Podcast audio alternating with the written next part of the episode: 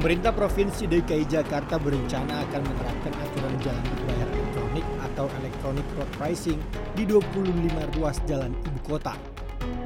Aturan tersebut tercantum dalam draft rancangan peraturan daerah atau Raperda pengendalian lalu lintas secara elektronik guna mengurai kemacetan yang kerap terjadi di ibu kota Jakarta. Rencana penerapan aturan jalan berbayar elektronik menuai polemik di masyarakat.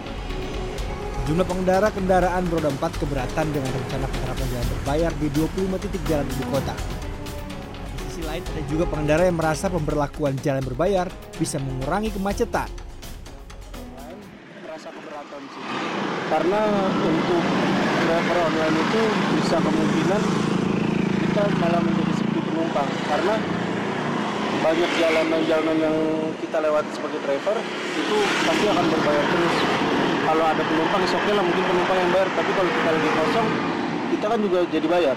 Eh, setuju nggak setuju sih pak? Setujunya sih bisa ngurangin kemacetan ya. Tapi nggak setujunya ya.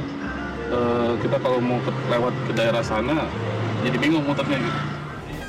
Sementara itu pejabat Gubernur DKI Jakarta Heru Budi Hartono menyebut rencana penerapan aturan jalan berbayar elektronik masih dalam pembahasan di DPRD. Tapi kan sekarang masih dalam proses di DPRD, RAN Perda namanya. Itu masih ada beberapa tahapan. Nanti dibahas di DPRD, diolah sesuai dengan kewenangannya masing-masing.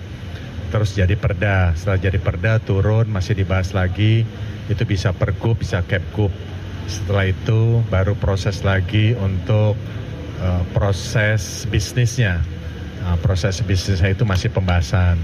Nah, nanti siapa yang mengelola badan usahanya apa itu juga nanti bahas juga dengan DPRD baru. Heru menambahkan tahapan lainnya yang juga perlu dibahas yakni mengenai titik-titik penerapan jalan berbayar serta kesepakatan tarif yang dikenakan.